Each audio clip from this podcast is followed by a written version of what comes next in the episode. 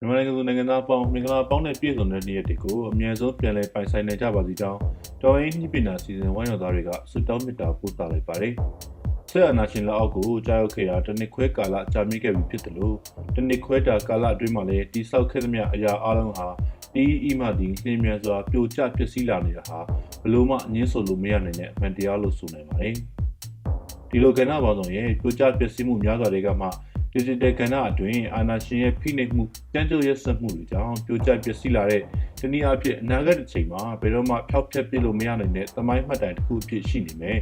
digital ဖိနှိပ်မှုမြမ digital ရက်ဝင်ရဲ့ပြိုကျပျက်စီးမှုတွေအကြောင်းကိုကျွန်တော်တို့ဝိုင်းတော်သားတွေကမှတ်တမ်းတင်ထားပြီးမိတ်ဆွေတို့အတွက်၃လတစ်ချိန်စူးစီးမှတ်တမ်းတင်ဖော်ပြပေးလျက်ရှိပါတယ်2022ခုနှစ်မေဇွန်ဇူလိုင်လ3လတာကာလအားစီးပွားရေးဆိုင်ရာပုံမူတည်တာသွားကြတိလာမှု မလုံခြုံမှုမြမငွေကြေးရဲ့စောက်ထိုးကျဆင်းမှုတွေကြောင့်လူရန်စားသီးသီးဟာဒုက္ခမျိုးစုံကိုကြုံတွေ့နေကြရပါတယ်။ဒီလိုဒုက္ခကြုံတွေ့နေကြရတဲ့အထက်မှာမှာ digital ရုပ်ဝန်းမှာရောဘလို့ဖိနှိပ်မှုတွေနဲ့ဆက်လက်ဒုက္ခပေးနေပါလဲကြည့်လိုက်ကြရအောင်ပါ။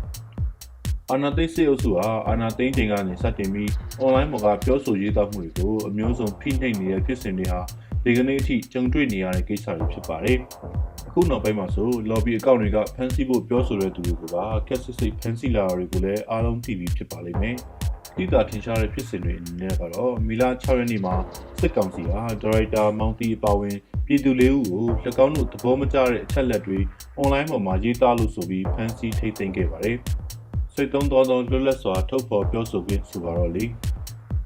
မီလာ9ရက်နေ့နနက်စောစောပိုင်းမှာပဲရခိုင်ပြည်နယ်အခြေစိုက်နေရစ်စရာသတင်းဌာနရဲ့ရုံးခန်းကိုစစ်ကောင်စီကဝင်ရောက်စီးနင်းခဲ့ပါတယ်။ဒီလိုလှုပ်ဆောင်မှုကြောင့်သတင်းဌာနအနေနဲ့သတင်းတင်ဆက်မှုကိုယာယီရပ်ဆိုင်းထားမယ်ဆိုပြီး၎င်းတို့ရဲ့ social media စာမျက်နှာကနေသတင်းစကားပါခဲ့တာကိုတွေ့ရပါတယ်။အာဏာသိမ်းကာလနောက်ပိုင်းမှာသတင်းလွတ်လပ်ခွင့်ဟာလည်းအလုံးစုံစိတ်သုံးသွားခဲ့ရပါပြီ။ဖိနှိပ်မှုတွေကြောင့်ဒေသအတွင်းသတင်းဌာနတွေအနေနဲ့ချက်တန်းလိုက်ရတာ ထင်ရှားတဲ့သတင်းဌာနကြီးတွေအနေနဲ့နေရာပြောင်းရွှေ့ပြီးခက်ခက်ခက်ခဲဆက်လက်ရုန်းကန်နေကြရတာတွေဟာဒီလိုမရနိုင်တဲ့သက်သေဖြစ်ပါတယ်။စစ်ကောင်စီဟာမိုဘိုင်းဖုန်းတွေမှာပါတဲ့ IMEI နံပါတ်တွေကိုအသုံးပြုပြီးအခွန်ကောက်ခံမှုနဲ့မှတ်ပုံတင်များပြန်လည်ပြုလုပ်စေဖို့ကြံစည်နေတဲ့အကြံစီတစ်ခုက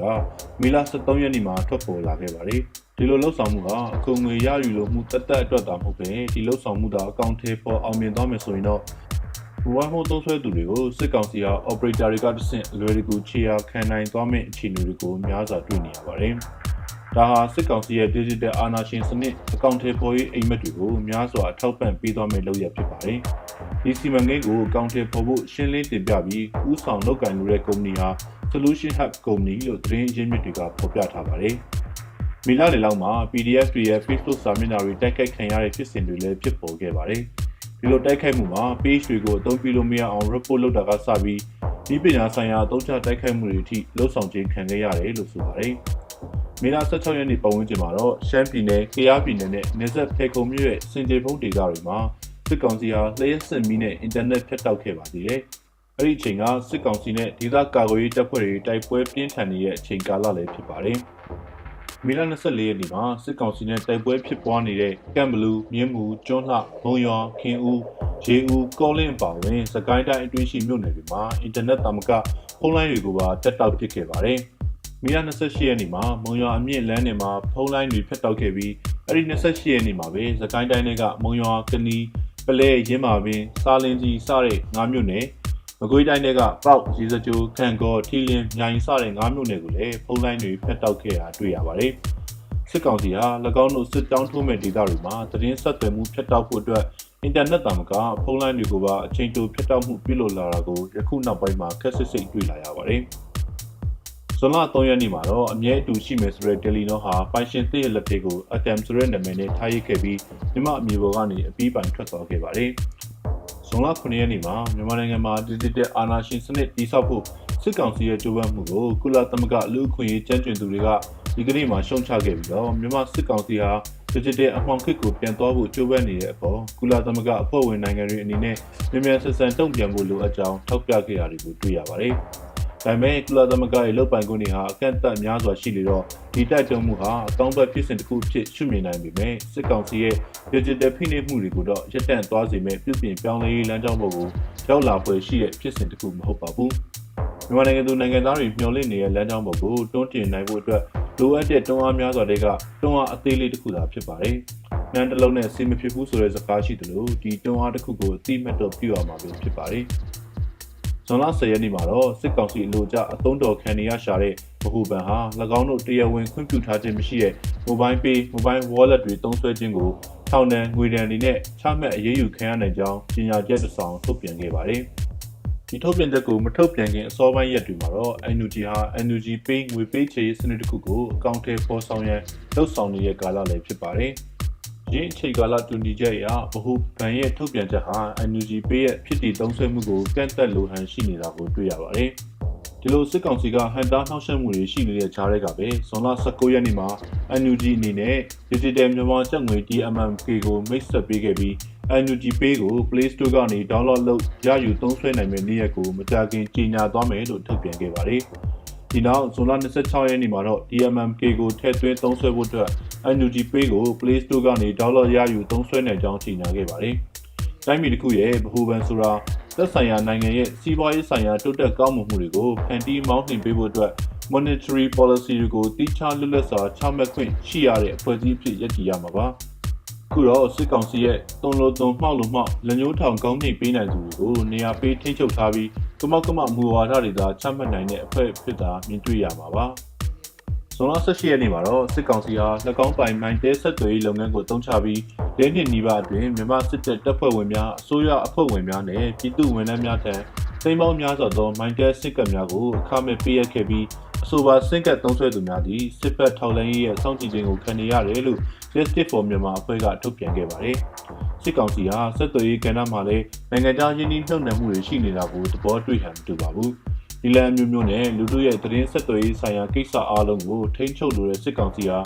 တယ်လီကွန်တွေအလုံးပေါ်မှာလည်းကြားဖြတ်ဖမ်းယူစောင့်ကြည့်ရေးဆက်တွေတက်ဆင်ဖို့အတွက်ဖိအားပေးခဲ့တယ်လို့မြန်မာပြည်ကိုစွန့်ခေါ်သွားပြီဖြစ်တဲ့တယ်လီနောဟာတရားဝင်ထုတ်ဖော်ပြောကြားခဲ့ပြီးပါတယ်။ဒီလိုဖိအားပေးမှုတွေကြောင့်လည်း၎င်းတို့ဟာမြန်မာပြည်ကနေထွက်ခွာသွားခဲ့ရကြောင်းကိုလည်းဆိုထားပါသေးတယ်။ပြီးတော့စစ်ကောင်စီအနေနဲ့၎င်းတို့လိုသလိုချိန်လေလို့ရတဲ့ မိုင်တဲကိုအသုံးပြုပြီးစောင့်ကြည့်မှုတွေတေချာပေါက်လှုပ်ဆောင်နေမယ်ဆိုတာငင်းပွားဖွယ်ရာမရှိတဲ့အချက်လို့တောင်ဆိုနိုင်ပါတယ်။ဇူလိုင်လ17ရက်နေ့မှာတော့မြန်မာစစ်ကောင်စီဟာတရုတ်နိုင်ငံလုံးမျက်နှာများအားမှတ်သားထားနိုင်သည့်ကင်မရာများကိုမြန်မာနိုင်ငံတပွန်းလုံးရှိမြို့ကြီးများမှာတက်ဆင်မှုကြိုးပမ်းနေတယ်လို့ဒေါက်တာသတင်းဌာနကထုတ်ဖော်ရေးသားခဲ့ပါတယ်။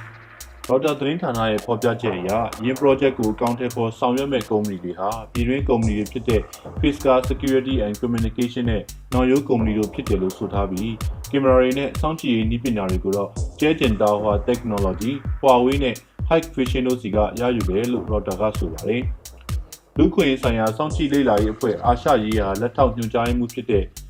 Phil Robertson ကတော့ဒီလိုလှုပ်ဆောင်မှုတွေဟာမြန်မာဒီမိုကရေစီအရေးတက်ကြွလှုပ်ရှားသူတွေပေါ်အနေနဲ့ပုံမူကြောက်ရောက်လာနိုင်ပွဲရှိပြီးစစ်တပ်နဲ့ရဲတွေဟာတက်ကြွလှုပ်ရှားသူတွေကိုခြေရာခံမှုဆက်သွယ်မှုတွေကိုပေါ်ထုတ်နိုင်မှု၎င်းတို့ခိုအောင်ရနေရာတွေကိုရှာဖွေနိုင်မှု၎င်းတို့အသုံးပြုတဲ့ကားစိုက်ကဲအစရှိတဲ့ယာဉ်တွေကိုပုံမူထောက်လန်းနိုင်မဲ့အခြေအနေတွေကိုရှိနေတယ်လို့မှတ်ချက်ပြုထားပါတယ်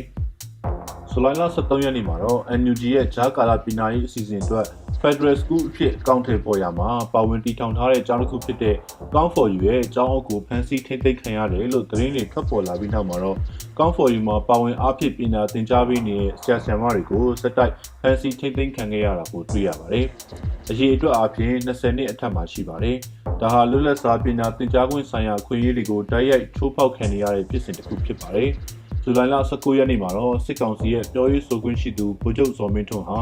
ကောင်းဖော်ယူဖြစ်စဉ်မှာကျောင်းသားတွေနဲ့မိဘတွေကိုအရေးမယူဘူးလို့ဆိုခဲ့ပေမဲ့ဇူလိုင်လ20ရက်နေ့မှာတော့ကောင်းဖော်ယူမှာကျောင်းတက်နေတဲ့ပြည်မျိုးကအသက်မပြည့်သေးတဲ့ခုနှစ်တန်းကျောင်းသား9ဦးဟာစစ်ကောင်စီရဲ့ဖမ်းဆီးထိန်းသိမ်းခြင်းကိုခံခဲ့ရပါတယ်။ဒီဇူလိုင်လ20ရက်နေ့မှာပဲကာတာဆက်သွေးကုမ္ပဏီ Oridu ဟာမြန်မာနိုင်ငံကထွက်ခွာဖို့အတွက်ရှယ်ယာများရောင်းချရန်ဆွေးနွေးနေပြီဖြစ်ကြောင်း ရော်တာသတင်းဌာနကထုတ်ဖော်ရေးသားလာခဲ့တာကိုတွေ့ရပါတယ်။ Oridu ဟာမြန်မာနိုင်ငံမှာတတိယလူသုံးအများဆုံး operator ဖြစ်ပြီးနောက်ဆုံးလက်ကျန်ဖြစ်တဲ့နိုင်ငံခြားယင်းနှိမ့်နှံမှုတည်တံ့ဆက်သွယ်ရေး operator လည်းဖြစ်ပါတယ်။ရော်တာရဲ့ဖော်ပြချက်အရ Oridu ကိုဝယ်ယူမဲ့အလားအလာရှိတဲ့လုပ်ငန်းတွေထဲမှာမြန်မာလုပ်ငန်းစုတစ်ခုဖြစ်တဲ့ Shan Investment Group,